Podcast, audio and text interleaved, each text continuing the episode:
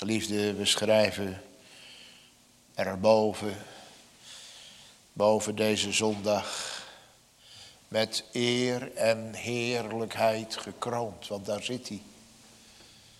In alle hoogte verheven aan de rechterhand des vaders, met eer en heerlijkheid gekroond.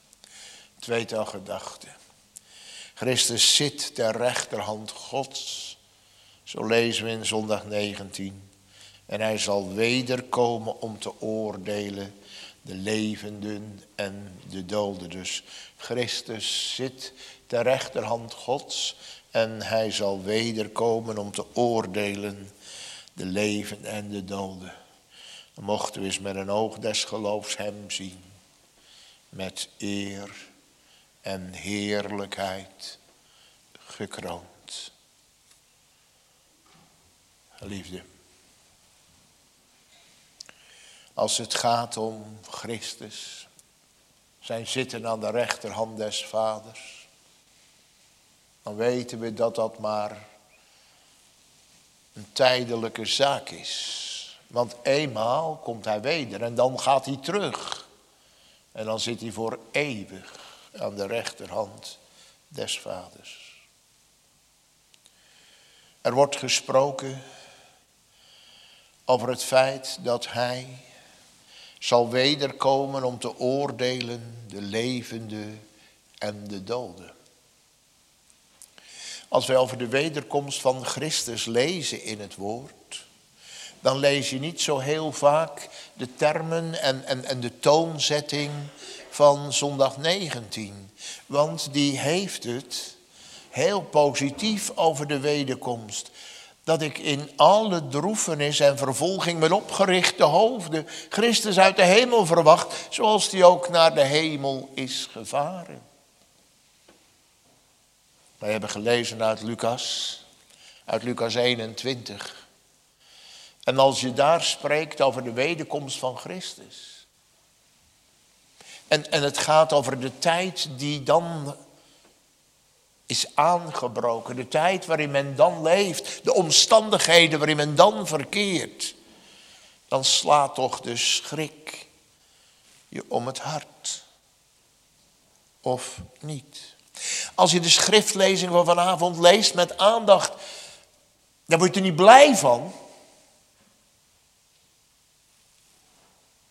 Dan, dan word je toch, als je ernstig serieus bent, met angst en met vrezen bezet. Er is er een gedeelte van Gods volk dat al voor dat laatste oordeel is weggenomen. Want er zal een tijd zijn dat er nog vele duizenden miljoenen op deze aarde zullen wonen als Christus wederkomt. En de Heer Jezus waarschuwt ons. Dit is geen gerichtsprediking. Dit is liefde. Liefde van de Heer Jezus Liefde van de koning der kerk die zijn kerk wil waarschuwen voor het aanstaande, naderende einde. En dan dat zij niet onvoorbereid naar dat einde zullen toeleven. Maar dat er zekere kenmerken zijn van die eindtijd, waardoor ze opgescherpt worden en met nog meer volharding moeten zoeken de dingen die boven zijn, daar waar Hij is de opgestane en verheerlijkte Christus. Heer Jezus zegt, ik kan het over de tempel hebben, daar begint het mee in vers 5. Ze waren hè, in de tempel en nu die eerste versen gaan over het penningske van de weduwe. Dus ze zijn daar bij de tempel in de buurt van de schatkist. En dan wordt er gesproken over de schoonheid van de tempel. Dat was werkelijk een wonderschoon gebouw. Het stond er tot Gods eer. Daar wilde God wonen en werken te midden van zijn volk. Daar vond de dienst der verzoening plaats. Zoals nu dat in de prediking plaatsvindt. gewezen wordt op dat ene volmaakte offer Jezus Christus voor doodschuldige zondaar. En als ze het dan hebben over de, over de tempel, dan hebben ze het over schone stenen. De Heer Jezus zegt het zo. En als sommigen zeiden van de tempel dat hij met schone stenen en begiftigingen versierd was. Gaat over de pracht en de praal van de tempel. En dan zegt de Heer Jezus, ja, wat deze dingen aangaat, die ga je aanschouwt, die je ziet, waar je nu naar kijkt. Er zullen dagen komen in welke niet één steen op de andere steen zal gelaten worden. Dus zo mooi als het nu is, blijft het niet. En wie heeft van zijn eigen leefwereld ook niet een, een tempel gemaakt? Ja, niet waar God in verheerlijkt wordt, maar waar vaak in de afgod van de tijd en de mammon het geld wordt aangebeden. Het kan allemaal zo mooi lijken op deze wereld. Je kan het allemaal zo goed voor elkaar hebben. Maar zo blijft het niet, zegt de Heer Jezus. Er, is, komt een tijd, dan blijft er van dat hele schitterende gebouw geen steen op de ander. Dus het wordt tot op de fundamenten afgebroken. Veertig jaar later gebeurt het. 70 na Christus. De Romeinen die de tempel vernietigen. We durven hem een heiligdom te vernietigen. En ook die heilige grond daarna niet ontheiligd. Dan mag je vandaag de dag ook niet meer zeggen. Weet je waarom ik het zeg? Wat hebben ze erop gebouwd? Wat hebben ze op de fundamenten van de tempel gebouwd? Een moskee. Dat is een oordeel bij het oordeel, of niet? Goed. De Heer Jezus zegt,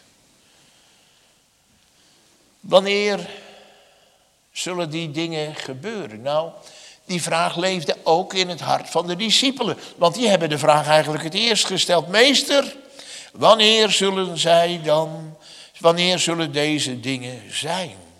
En, en hoe weten we dat het staat te gebeuren? Wat zijn de tekenen wanneer deze dingen zullen geschieden? En dan begint de Heer Jezus een kenmerk te geven van de eindtijd.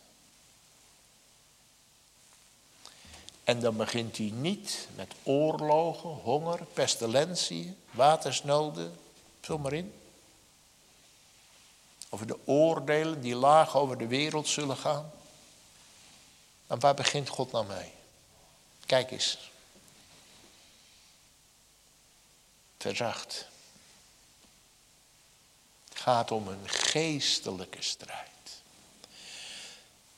In de eindtijd zullen velen het woord van God hebben losgelaten, de dienst van God hebben opgezegd zichzelf leraars hebben opgegaderd naar het goeddunken van hun eigen hart.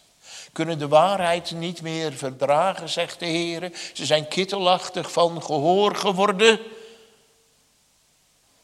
Hoe zegt hij het precies?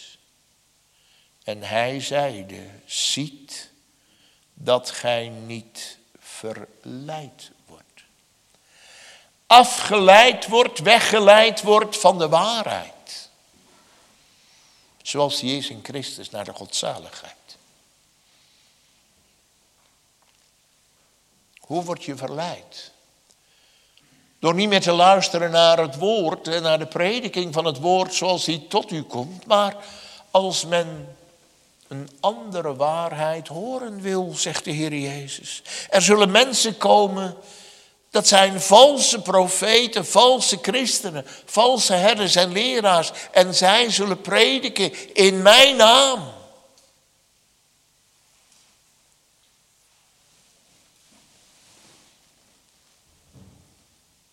U zult verleid worden. Ze zullen zeggen, dit is de waarheid, maar als u het onderzoekt, zult u erachter komen dat het een leugen is. U wordt verleid. Want velen zullen er onder mijn naam komen, zeggende, ik ben de Christus. En de tijd is nabij gekomen. gaat dan hen niet na. Hou het bij de leer van Christus, wil hij zeggen. Hou het bij mijn onderwijs. En, en, en waar begon de Heer Jezus mee? Bekeert u en gelooft het evangelie. En wat is de verleiding van toendertijd en, en ook in het begin van de christelijke gemeente? Hè? Want echt, als we onze kerkgeschiedenis vergeten, dan begrijpen we niet wat de ketterijen van deze tijd zijn. Allerlei oude ketterijen hebben dan een nieuwe verpakking. Wat zegt de Heer Jezus? Bekeert u en gelooft het evangelie. En als je dan in een tijd komt te leven, zegt de Heer Jezus, waar je denkt zalig te kunnen worden zonder de waarachtige bekering, dan word je verleid. En als dat geloof, dat zaligmakend geloof, geen gave van God is, en niet door God een heilige geest gewerkt wordt. Eerste ontdekking, dat hij van alles ontledigd, ontbloot en ontgrond wordt. En dan de vervulling van Christus. Eerst het gemis van hem, dan de openbaring. Als dat niet meer nodig is, dan word je verleid. Dan word je op het verkeerde been gezet. Dan wordt er je een weg der zaligheid verkondigd, die niet eindigt, die niet gaat door de enge poort en die niet langs de voet van het kruis komt en die ook niet in de stad Jeruzalem en het hemels Jeruzalem zal eindigen. Jonge vrienden, ik hoop dat je regelmatig wat leest. En dan denk ik dat er ontzettend leerzame boeken zijn, die ook voor jongeren zijn geschreven, eh, van John Bunyan. Over de christenreis, de christinnenreis, de heilige oorlog. Om te leren dat er zoveel mensen op je levensweg je kunnen ontmoeten, die uit allerlei zijpaden komen of die over de muur geklommen zijn en, en, die zeggen, ja, maar het hoeft zo niet, zo zwaar hoeft het niet, het kan ook anders. En ja, bij ons dachten je ook wel van die doorgezakte mensen, maar wij hebben meer licht. Zoek je het licht van de Heilige Geest. De verlichting en de voorlichting van de Heilige Geest. Of ga je de verlichte predikers de tijd na. Bekeert u en gelooft het evangelie. Dat blijft eeuwig gelden. En bekering blijft afkeren van de zonde, een haten van de zonde. En niet zeggen dat je in Jezus kan geloven en in de zonde kan leven. Dat, dat het in je leven totaal niet openbaar komt dat er een droefheid naar God is gekomen. Een gemis. Durf je te zeggen, jongens, dat het een moment anders is geworden in je leven? Weten jullie dat? Hij zegt, ik kwam een moment dat ik zoveel liefde in mijn hart tot de Heer kreeg. Dat ik niet meer mee kon in de zonde en in de wereld. Nee moest gaan zeggen tegen bepaalde dingen. Wat een voorrecht. Als je nog een geweten hebt dat spreekt. Zij het niet altijd op de mond slaan, want dan komt er een tijd dat je geweten niet meer spreekt. Net zo goed als een vader en een moeder op een gegeven moment ten einde raad, maar stopt met waarschuwen, want hij of zij luistert toch niet. Meester, wanneer zullen deze dingen zijn? En wat is het teken? Het teken van de verleiding. Ziet dat gij niet verleid wordt. En mijn vraag aan u en aan jou is, heel eerlijk, gewoon maar recht op de man af, nee recht op uw hart af. Bent u er wel eens bang voor?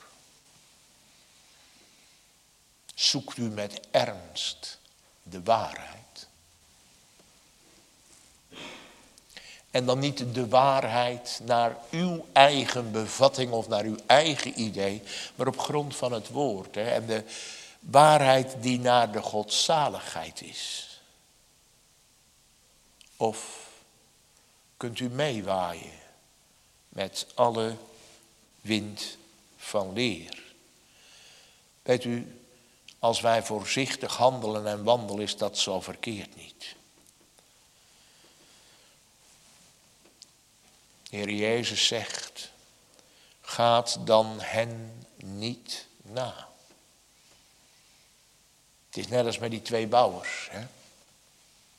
De ene is zo klaar en ja, maakt de ander voor dwaas uit. Altijd maar dieper en altijd maar verder. En hij is een paar keer met zijn schop op, op, op steen gestoten. Maar ja, dan groeft hij verder en dan was het een losse steen. Ja, daar had hij nog niks aan. Snap je? Wil je je laten troosten door de prediking van de dwaze bouwer dat je gauw onder dak bent en dat je gauw een levenshuis hebt en dat je voor je eigen gevoel denkt de zaligheid te bezitten? Of gaat uw hart uit naar zoals de Heer Jezus het noemt, het bouwen op de rots, het bloed en de gerechtigheid van Christus? Met persoonlijke schenking en met persoonlijke toe-eigening voor eigen hart en leven. Denkt u dat u in de dag der dagen zonder Christus voor God kan verschijnen? Nee toch. U denkt toch niet dat God zich laat bedriegen? Wij kunnen mensen bedriegen met een mooi met een vroom verhaal. God niet. Wat dunkt u van de Christus. Dat is het ene, die verleiding. Maar dan, gij zult horen van oorlogen, beroerte, wordt dan niet verschrikt. Want deze dingen moeten eerst geschieden. Maar dan is nog terstond het einde niet. Oorlogen en beroerte. Beroerte, dan staat er eigenlijk in het Grieks verwarring waardoor niets meer in stand blijft of niets meer op zijn plaats blijft, zeggen de kanttekeningen. Alles op zijn kop en alles op de schop. Kijk eens om je heen, de hele wereldorde. Het gezag is verloren gegaan. Waarheid is geen waarheid meer. Wat zijn we ver weg. Deze dingen moeten eerst geschieden. Al die beroerten, al die oorlogen die er komen. Het ene volk dat opstaat tegen het andere en het ene koninkrijk tegen het andere. Hoe vaak lees je niet van oorlogen, vervolgingen. En ik, ik, ik reken daar ook mee hoor, de christenvervolgingen, de strijd die er is tegen de christenen. En ook tegen het Joodse volk. En we hopen en we bidden dat ook zij nog eens mogen komen naar het woord van God tot de ware kennis van Jezus, de Messias. Terstond het einde niet. Als we in de eindtijd leven, betekent dat dat we wel naar het einde toe gaan, maar dat het einde nog niet 1, 2, 3 daar is. Het moet allemaal nog erger worden. Grote aardbevingen in verscheidene plaatsen, hongersnoden en pestilentieën. Er zullen ook schrikkelijke dingen en grote tekenen van de hemel geschieden. Grote tekenen van de hemel, er kunnen allerlei weersomstandigheden zijn. Storm, hagel, orkanen, droogte, geen regen of overvloedige regen tsunamis. Maar we moeten over één ding niet heen lezen. Hongersnood en pestilentie. En is dit niet de tijd waarin wij juist ook dat woord pestilentie ernstig moeten nemen? Is het niet een tijd waarin het virus rondwaart en nog steeds?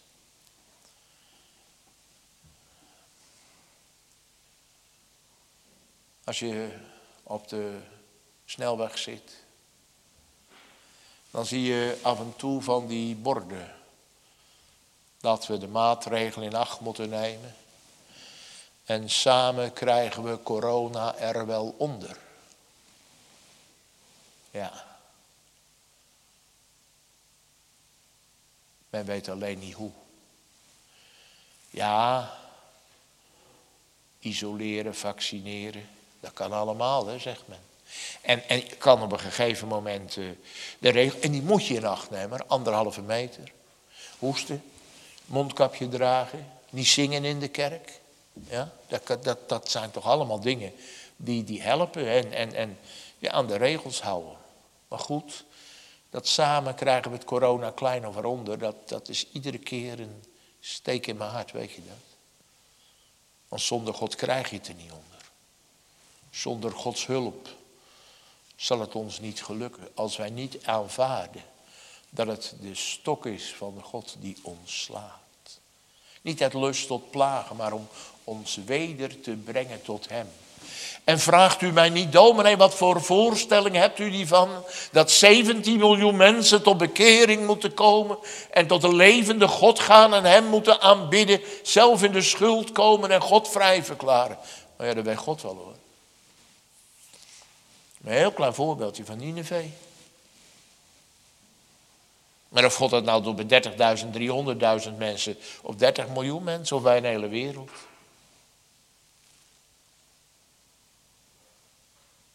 Wat denkt u? Het gaat door, hè? En we worden nu een jaar, je leest het overal, een jaar dit, een jaar dat corona. Een jaar klopt de Heer aan de deur van ons hart. Bekeert u, bekeert u, waarom zou gij sterven?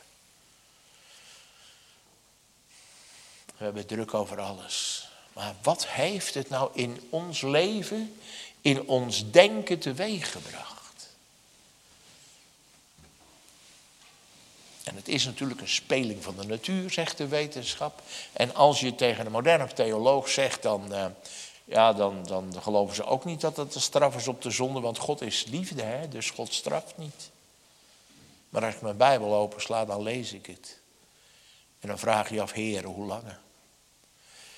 En laten we daarom niet vergeten te bidden voor de bekering van land en volk.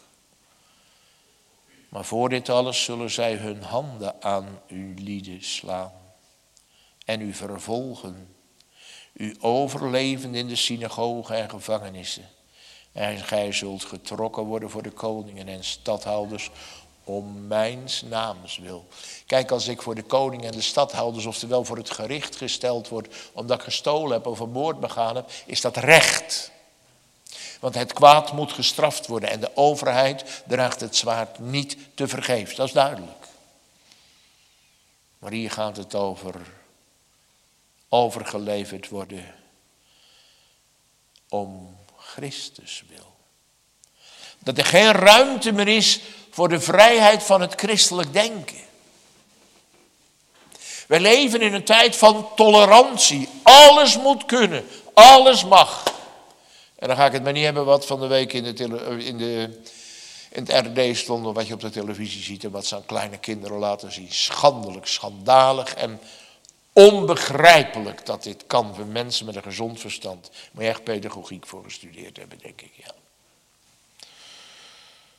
Goed, opvoeden naar Gods woord, de ware pedagogiek, de kweekvijver der godzaligheid. In Gods woord, daar loopt het over. Tolerantie. U moet tolerantie, u moet iedereen verdragen, u moet iedereen het zijne gunnen, u moet respect hebben voor iedereen. Dan staat ook niet in de Bijbel dat je dat niet moet doen hoor. Maar weet je wat het is? Als er vrijheid hier in Nederland is van meningsuiting en vrijheid van godsdienst, lijkt dat vandaag zo alsof het alleen bedoeld is voor anderen, niet meer voor de christen. Dat je echt kan zien dat wij leven, wij denken altijd dat we een christelijk land zijn, maar theologen zeggen wel, het is een post-christelijke natie. Post betekent na. Dus het is het tijdvak van het na dat het christendom algemeen geldend was in Nederland. Dat het meer dan 50, 60 procent van de bevolking uitmaakte. Ik ga niet naar statistieken kijken. En wie weet wat een waarlijk bijbelgetrouw christen is. En, en dan gaat het dan nog over, laat maar. En, en ik moet niet beginnen met politiek op de preekstoel, dat moet, maar het gaat erom om te waarschuwen. Dat we leven in een tijd van grote intolerantie. Dat je niet meer kan zeggen wat je wil zeggen op grond van het woord. Omdat je de hele wereld over je heen krijgt. Als mensen je opbellen en zeggen, dominee, ik zal toch wat voorzichtiger zijn in mijn uitdrukkingen, want ben je echt een steen door je ruit? Dan weet je wat voor tijd we leven. En moet niet denken dat een telefoontje was van gisteren, dat was een jaren geleden in Driedorp. Intolerantie. Er is geen plaats meer voor een christen. Hé, hey, is dat vreemd? Wij leven nu toch in de lijdenstijd, waarin we gezien hebben dat er ook geen plaats was voor Christus zelf, voor zijn leer. Wat de haat? Wat was de haat van de godsdienst, van de fariseeën en de schriftgeleerden en van de overheid? Dat die het had over genade.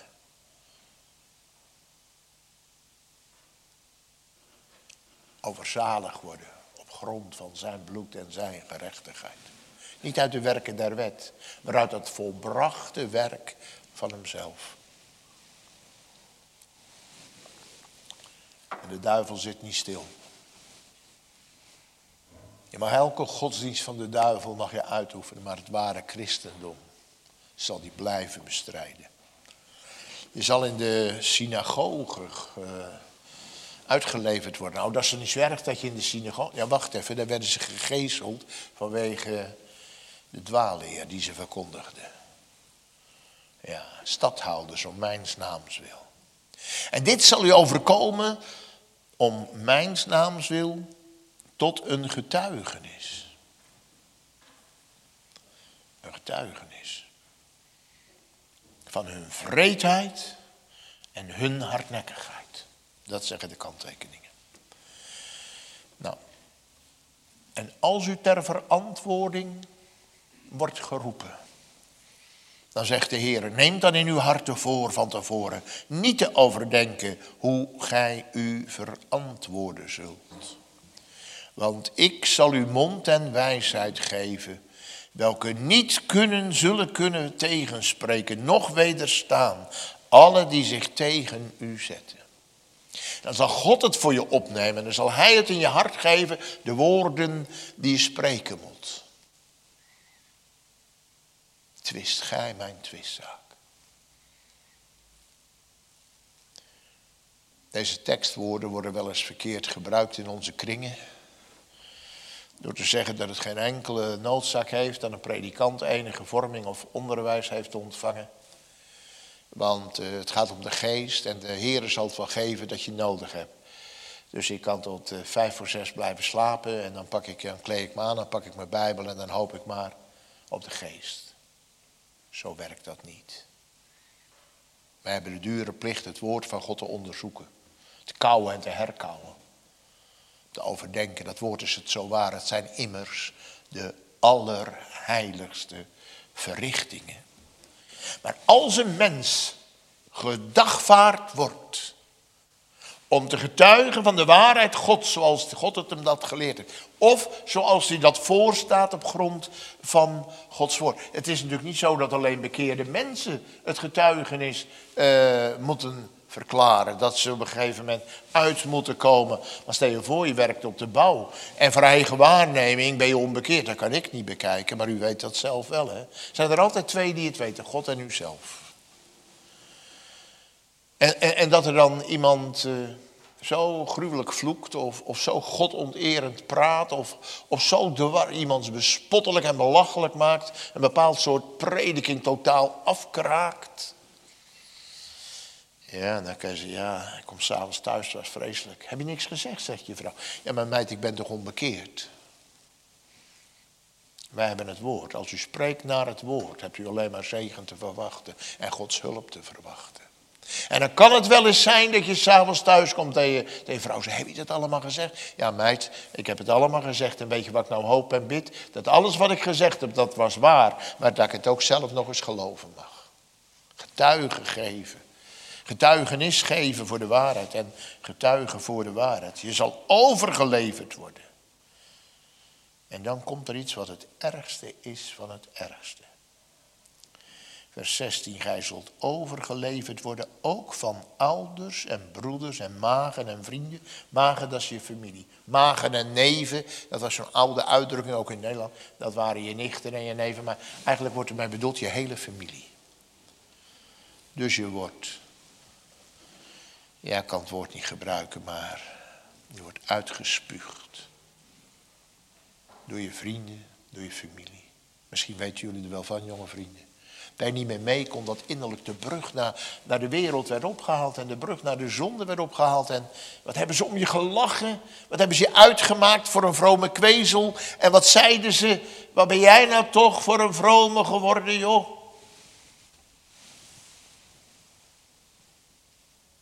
Ja, het gebeurt. Als je vrienden zijn, nou ja, jammer hè. Pijnlijk, want je had een goede relatie samen. Met je vriend of met je vriendin. Menige verkering houdt geen stand als men niet samen het eens is aangaande de waarheid. Maar dat is erg, maar je ouders, je vader, je moeder we vinden het vreselijk als er iemand zich in het jodendom tot het christendom bekeert. Dat hij doodgezwegen wordt in zijn familie. Of dat het bij de islam ook gebeurt als men overgaat tot het christendom. Erg. Maar hoeveel zijn er niet in onze tijd die het vreselijk vinden als iemand zich in zijn leven anders gaat gedragen, dat het geestelijk gaat verdiepen. Mag ik het zo zeggen dat hij gaat graven naar de rots?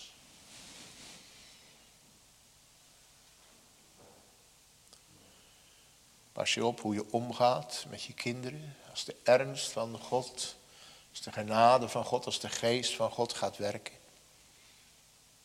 Het ergste is als ouders hun kinderen niet begrijpen. Het is net zo erg natuurlijk als kinderen hun ouders niet begrijpen. Uitgeworpen, alleen overblijven, niet begrepen. Maar dat, dat, is, dat doet zo'n pijn. Als je nou net zelf gekomen bent door een omzetting in je leven en je gaat de eeuwige waardij van Gods genade in Christus zien. Ik loop nog in je gemis, want het begint niet met bezit, maar met gemis. Maar dat je in dat uitzien en verlangen zou willen vertellen wat een ander ook nodig heeft. Pa, ma, luister nou eens. Wat ik in mijn leven geleerd heb, hè, bij God vandaan. Wat ik onder de preek gehoord heb, in de Bijbel gelezen heb. En waar ik nou mee worstel en mee top, is voor u ook zo belangrijk. U kunt ook niet sterven zoals, ik, zoals u geboren bent. Net als ik, u moet ook bekeerd worden. Dat kan wel zo'n dodelijke haat en vijandschap geven. Een andere vader en moeder trekt de schouders op en die, die snapt niet waar het over gaat. En een ander zal zeggen, het is een bevlieging, dat gaat wel over. Maar het is wel erg als in je eigen familiekring het ontspringende geestelijk leven of het ontsprongen geestelijk leven dat tot groei en bloei is gekomen wordt, niet wordt erkend of wordt bespot. Maar weet die mens die het doet. Dat is duidelijk. En dan zegt de Heer Jezus, je zal van alle gehaat worden. Van alle. Waarom? Nou, het is zo, ze hebben mij gehaat en ze zullen u haten. Je hebt de haat van de wereld en de godsdienst heb je te wachten. Maar, maar, ze kunnen niks. Je kan wel van alle gehaat worden, van allerlei wereldse mensen, van allerlei geestelijke mensen. Maar één ding. Niet één haar uit uw hoofd zal verloren gaan. Hé, hey, dat gaat nog iets verder dan er zal geen haar van uw hoofd vallen. Die verloren gaan. Hé, hey, wat is nou een haar waard, hè? En hoeveel heb je dus morgens misschien niet in je kam zitten? En hoeveel veeg je er niet op in de badkamer? Ja? Een haar. Stelt niks voor niks waard, waardeloos. Toch zegt de Heer, niet één haar, het minste van het minste niet, zal verloren gaan. Dan geeft hij een bemoedigend woord mee. Bezit nou uw zielen in uw leidzaamheid. Zeg maar heel eenvoudig dat, dat vertalen. Bezit uw zielen in uw leidzaamheid. Gedraag geduldig al uw lijden. Zo zou ik het vanavond willen zeggen. Draag geduldig al uw lijden. En dat al uw lijden gezegend en geheiligd mag worden om Christus wil. Het einde.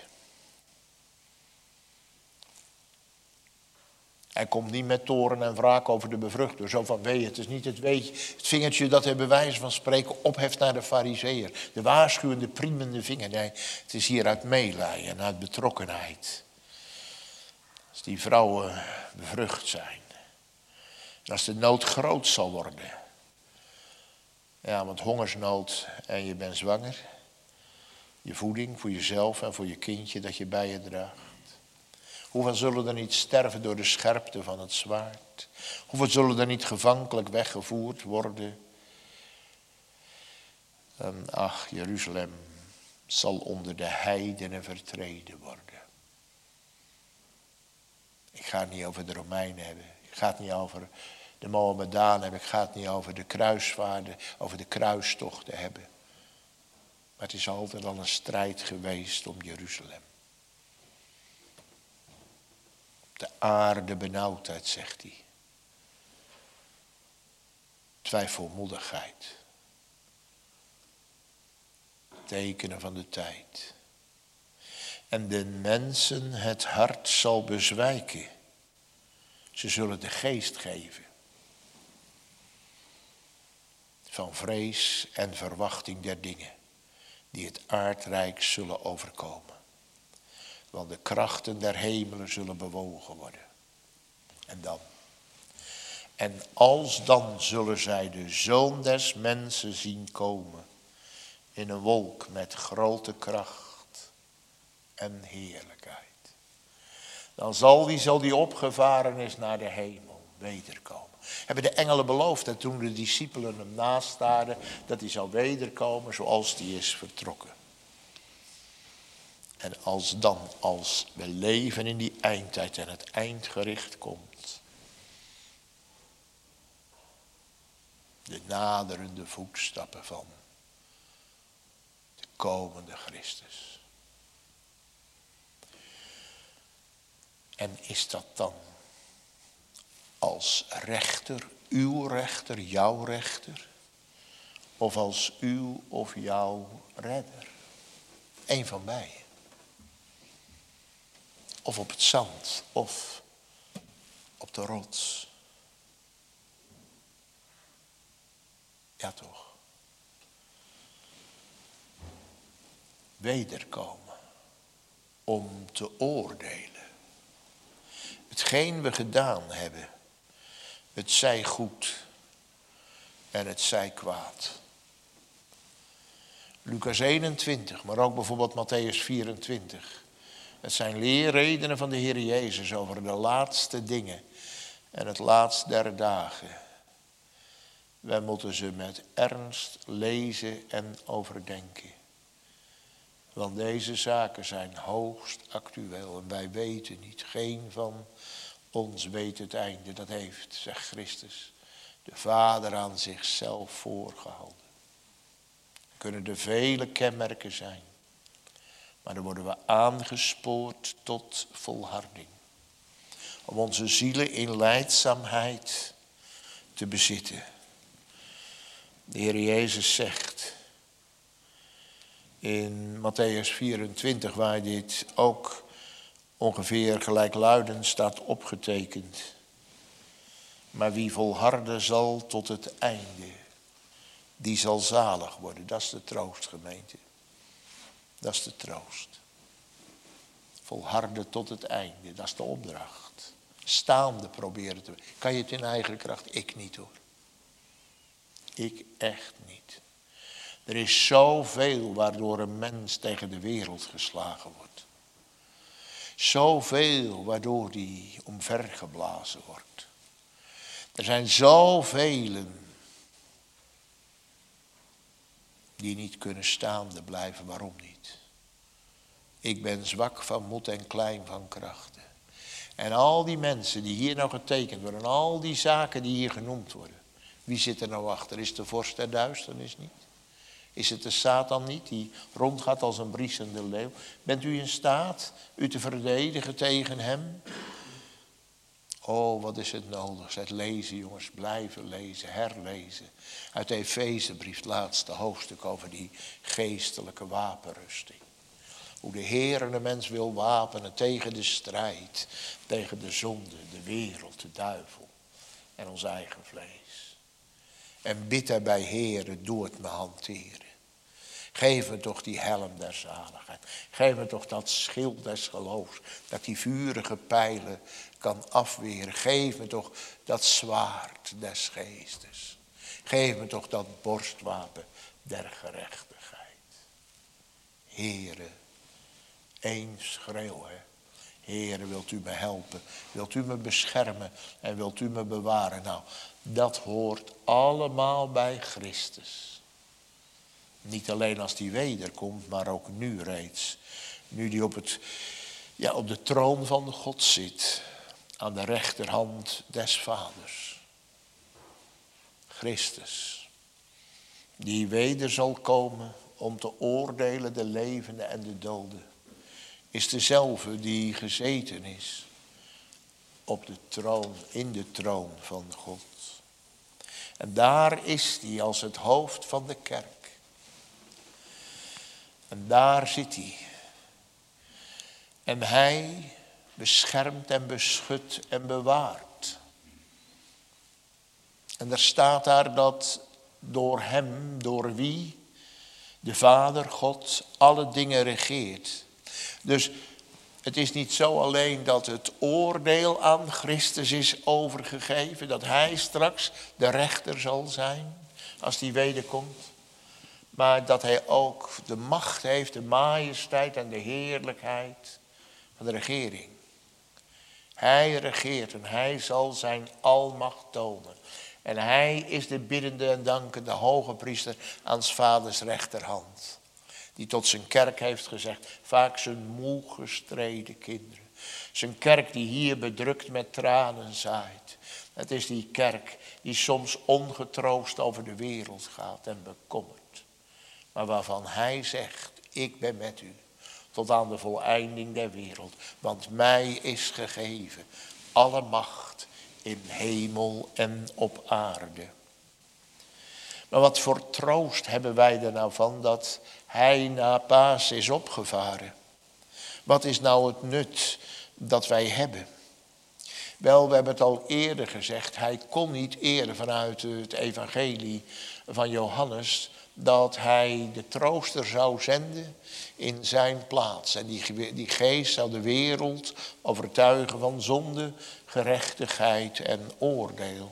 En dan hebben we ook gesproken over dat plaatsmakende werk van de Heilige Geest. Die ontdekking, dat een mens aan zichzelf wordt ontdekt. Dat de Heilige Geest de zonde in het leven gaat aanwijzen. En dat er zo'n moment komt, net als bij de verloren zoon, dat een mens tot zichzelf komt, zijn weg terugdenkt. En zijn positie waar hij nu in zit bedenkt. En wat de toekomst is. Jonge vrienden, jullie kennen het wel als ik zeg, het gaat om drie basisvragen. Wie ben ik? Waar kom ik vandaan? En waar ga ik naartoe? Daar moet antwoord op gevonden worden. Het is de Heilige Geest die de mens ontledigt en plaats maakt voor Christus. Voor Christus en al zijn weldaden, voor alle gaven die men ontvangt uit het hoofd Christus. Een hoofd, daar bovenop. En in ons hoofd zitten de hersenen die regeren alles. Het hoofd is dus de regerende macht, ook in de kerk. Wie is het hoofd van de kerk? Christus. En, en de mensen dan, dat zijn de leden, je ledematen, dat is je het lijf. Dus Christus is het hoofd en de kerk, de mensen, dat is het lichaam van Christus. De kerk is het lichaam van Christus. En hij is het hoofd, de koning van de kerk. En wat doet hij nou? Daar vandaan, uit de troon, zendt hij zijn geest. En wat doet hij? Die geest wordt eigenlijk gezien als een, een, een, een ja, hoe moet ik het zeggen? Een vat. Enerzijds in de tempel ging het om olie. Dat vat dat ervoor zorgt dat er olie gegoten kan worden in de lampen, waardoor het licht brandt. Dus het is brandstof. Maar het is ook geest waarvan je kan zeggen dat hij een mens vervult met de gave, de geestelijke gave die Christus heeft verworven. Hij giet uit hemelse gaven. Die ziel die ontledigd is, vervult hij. En daarom, en, jongens en meisjes, jullie begrijpen het. Stel je, vat, ik had, stel je voor, ik heb hier een regenton staan. En het heeft hard geregend en is tot de bovenste rand zit hij vol. Nou, vol is vol. Dan kan je er toch niks meer bij gooien. Dan kan je nog wel ergens met een ander emmertje met water gevonden hebben. Dat je denkt, nou ik gooi het in de regenton. Maar kan er niet in, het is vol, vol is vol. Maar wat doe je nou? Op een gegeven moment probeer je toch die ton weer leeg te krijgen. Anders vangt hij het regenwater niet op, loopt alles eroverheen. Alleen wat leeg is, kan vervuld worden. Nou, dat is wat de geest doet. Eerst leegmaken, ontledigen. Je alles afnemen wat geen God en geen Christus is. En daarna vervullen met wat wel van God en Christus is. Met zijn hemelse gaven. Ja, wat zijn dat dan? Je hemelse gaven. En waartegen beschermt hij dan? En wat zijn je vijanden? Nou, dat zijn dingen waar antwoord op komen kan. De hemelse gaven, dat is alles wat een christen nodig heeft om tot eer van God en tot heil van je naaste te leven. Het is natuurlijk boven alles tot het heil van de medegelovigen, de huisgenoten Gods.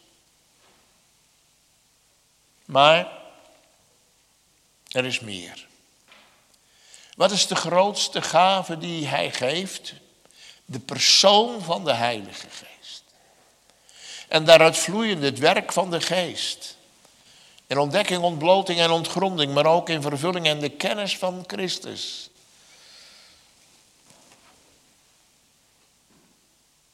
Wat zou je nou het liefste hebben? Als je nou werkelijk heel serieus na zit te denken vanavond voor je naar bed gaat. Je zit op je rand van je bed of op je, achter je tafeltje. En je zou nadenken, wat heb ik nou het hardste nodig?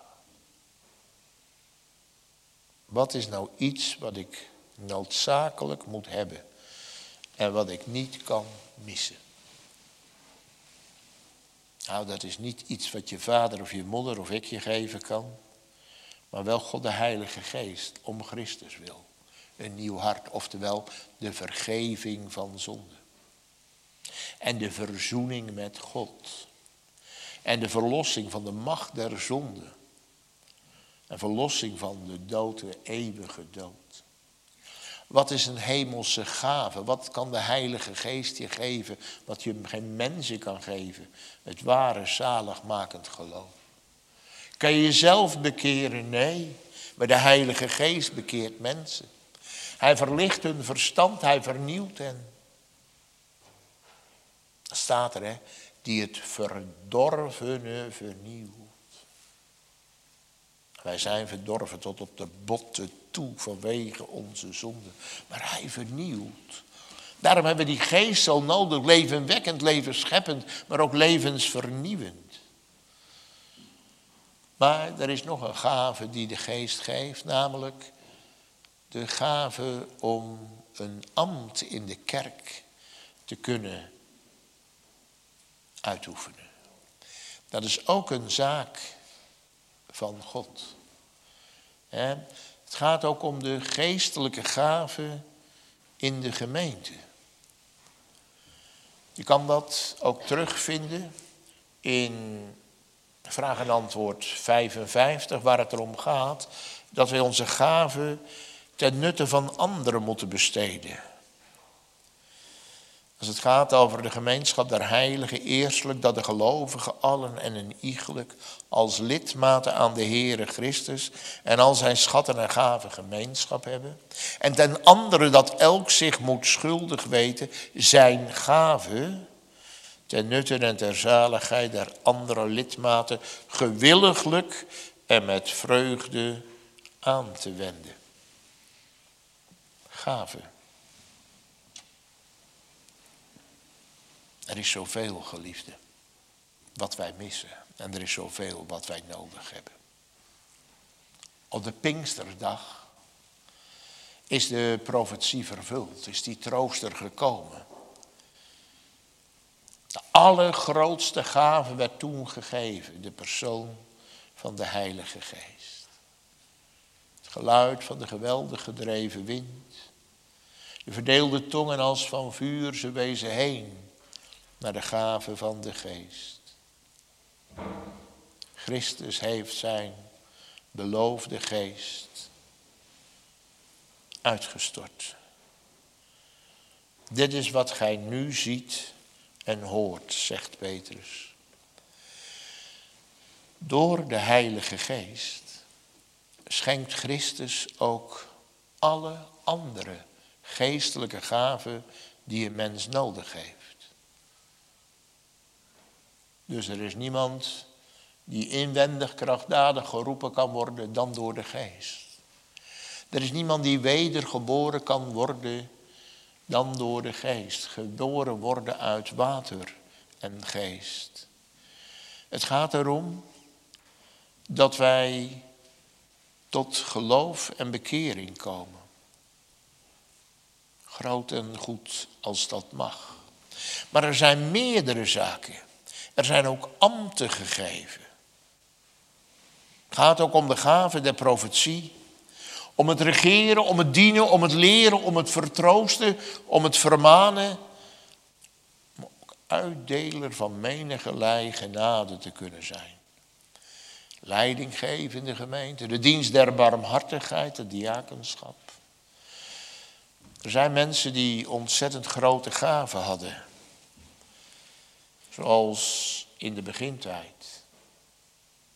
Gaven van de gezondmaking. De gave van de profetie. De gave van de duiveluitbanning. Het is duidelijk wat de Heer zegt in 1 Korinthe 11, 1 Korinthe 12. Dat hij zegt, 1 Korinthe 12 is het vers 28. En God heeft er sommigen in de gemeente gesteld. Ten eerste apostelen, ten tweede profeten, ten derde leraars, daarna krachten, daarna gaven der gezondmakingen, behulpsels, regeringen en menige talen. Zijn ze alle apostelen? Zijn ze alle profeten? Zijn ze alle leraars? Zijn ze alle krachten?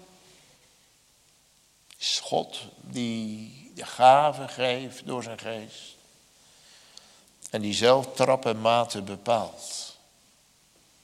Maar weet je wat de overeenkomst is? Alles staat in dienst van God. En alles moet geschieden tot eer van God en tot heil van de naaste. Niet iedereen staat er heeft de gave van de gezondmaking. En niet iedereen spreekt in menige talen. En ze zijn niet alle bekwaam om uitlegger te zijn. Maar zegt hij. Ijvert naar de beste gave. En ik wijs u een weg die nog uitnemender is. Als het dan gaat over de gave van de geest. Dan gaat het er ook om dat we die geest nodig hebben. In ons persoonlijk leven, in ons ambtelijk leven, in het gemeentelijk leven. En dan, dan komt het ook weer op gebed aan.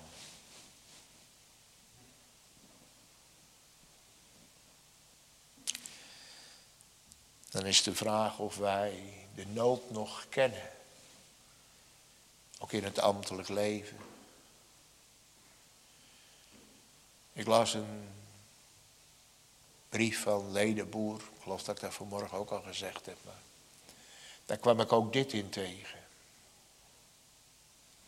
Omdat wij niet meer geleerd willen worden, onderwezen willen worden, hebben wij ook geen leraars meer nodig. Dus hij ziet dat, hij zag dat, de oude ledenboer zag dat. Als een oordeel dat een mens niet onderwezen wil worden, want hij heeft de wijsheid zelf in pacht. En hij weet het allemaal wel, ik heb geen dominee meer nodig, want wie kan mij nog wat wijs maken? Ik zit al zo hoog in de boom en ik heb al zoveel kennis en ervaring. Wat die man, hè, wat zal die klapper mij nog vertellen? Zo gingen ze ook naar Paulus luisteren. Dat is niet veranderd hoor. Maar dat de nood ons is opgebonden mocht worden om ook te smeken van harte om de uitbreiding van Gods koninkrijk, maar ook om de uitstoting van arbeiders in zijn wijngaard. Ook als daar weer straks keer voor vergaderd zal worden. Geven God de nood opgebonden te krijgen. En daarvoor ook in het gebed te gaan. Het is Christus zelf die ze roept en zendt. Hij is de getrouwe die zijn kerk bewaart, die zijn kerk vergadert, maar ook beschut en bewaart tegen alle vijanden. Welke? Het vlees, de wereld, de zonde, de duivel. En hij zal zijn almacht tonen. Hoe word ik getroost? Door in tijden van moeite en zorg. Ook in die eindtijd. Dat een tijd van droefenis en vervolging kan zijn. Nochtans met opgerichte hoofden. Het hoofd omhoog en het hart naar boven. Hier beneden is het immers toch niet. Mag zien op Christus. En hij komt weder. Ja, om te oordelen de levenden en de doden. Maar ik heb hem zodanig leren kennen. Niet als mijn rechter dan, maar in mijn rechter toen. Hoe bedoel je? Nou, toen God in het gericht met mij ging treden. Heb ik gezien dat hij de plaatsbekleder, de plaatsvervanger was. Hij heeft zich eerst in het gericht gesteld. Hij heeft mijn plaats ingenomen. Hij heeft in mijn plaats de straf gedragen, de schuld betaald. En door zijn bloed, door zijn offeranden, ben ik met God verzoend op grond van recht. Want God is verheerlijkt zonder krenking van een van zijn deugden. God heeft in Christus alles ontvangen wat nodig is tot de zaligheid. En daarom is de vloek van mij weggenomen. En ik verwacht hem als een rechter uit de hemel. Maar hij zal mijn redder zijn. En hij zal de rechter zijn van alle ongelovigen en onbekeerden. En dan staat er een woord waar wij vaak om aangevallen en bestreden worden. Dat het bij ons alleen maar zo gaan om hel en verdoemen is. Ja, dat wordt wel genoemd, maar er wordt er één bij genoemd die ons kan verlossen van het eeuwig verderf. Hier ligt de troost. De ongelovige en de onboedvaardige wereld wordt gestraft. Dat zijn zijn vijanden, de vijanden van Christus. En als je werkelijk aan de zijde Gods in Christus bent gesteld, dan zijn het ook jouw vijanden. Want zolang de duivel je vriend is en je luistert naar hem en je leeft met hem en je leeft voor hem en je doet wat hij zegt en gebiedt, dan ben je een vijand van God in Christus. Wil je het meenemen, alsjeblieft? Dat je jezelf niet zou bedriegen. Dat je met je Bijbel op je nachtkastje